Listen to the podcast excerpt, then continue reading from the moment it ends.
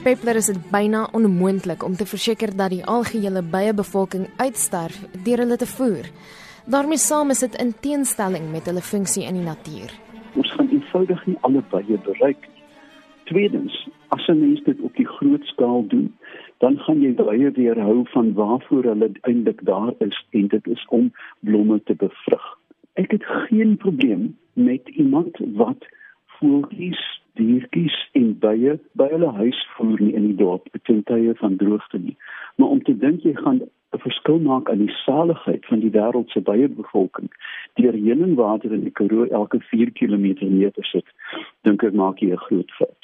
As jy wil, kan jy wel 'n pierentjie suiker of heuningwater neersit vir die bye, maar hulle kan ook elders kos kry.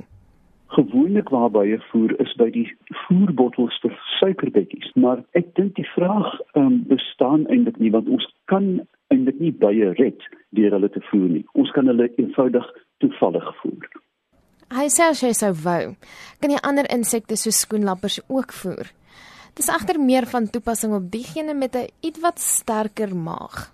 Nou nou moet jy luisteraars wat dat sensitiewe maag het nie. As jy vir jou 'n pap maak van 'n ryp piesang, um, 'n klein bietjie bier en 'n klein bietjie menslike urine, moenie vir my lag nie.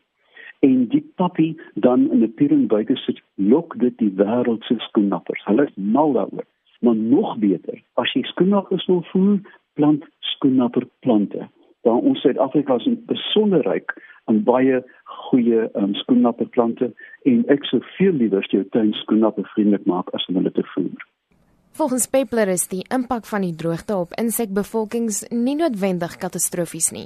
In die geskiedenis was daar sulke droogtes in die toekoms gaan daar weer wees. Die natuur is in groot mate aangepas om die druk van droogtes, vloede, brande ensovoorts te kan akkommodeer. Wat ons kan doen aan die droogte is om onsself te gedra as mense en minder gasse vry te laat en meer ekovriendelik te leef. Hy sê agter dat die voer van klein diertjies of insekte en voëls 'n belangrike emosionele rol speel op verskeie vlakke.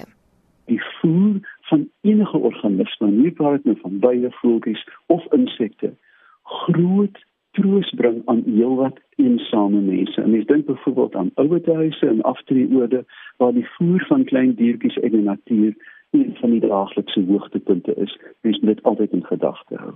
Verder sê Peppler dat die gereelde voer van hierdie organismes nie noodwendig afhanklikheid van mense kweek nie, omdat diere kosopportuniste is. Ek is Marlene Verschiefer, SAK nuus.